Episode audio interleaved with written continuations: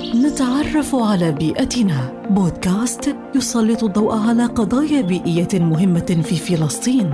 انضموا إلينا في مهمة استكشاف جميلة لبيئتنا الفلسطينية. نتعرف على بيئتنا. بودكاست يأتيكم عبر منصات أجيال وبالتعاون مع سلطة جودة البيئة.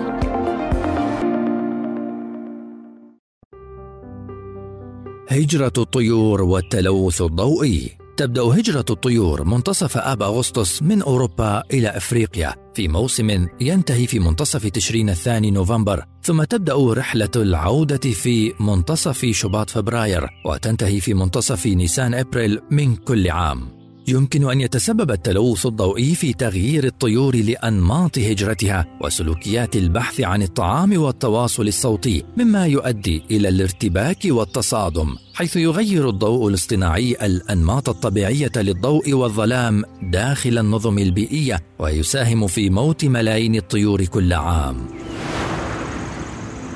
وخلينا نتذكر بيئتنا كنزنا لازم نحميها ونحافظ عليها.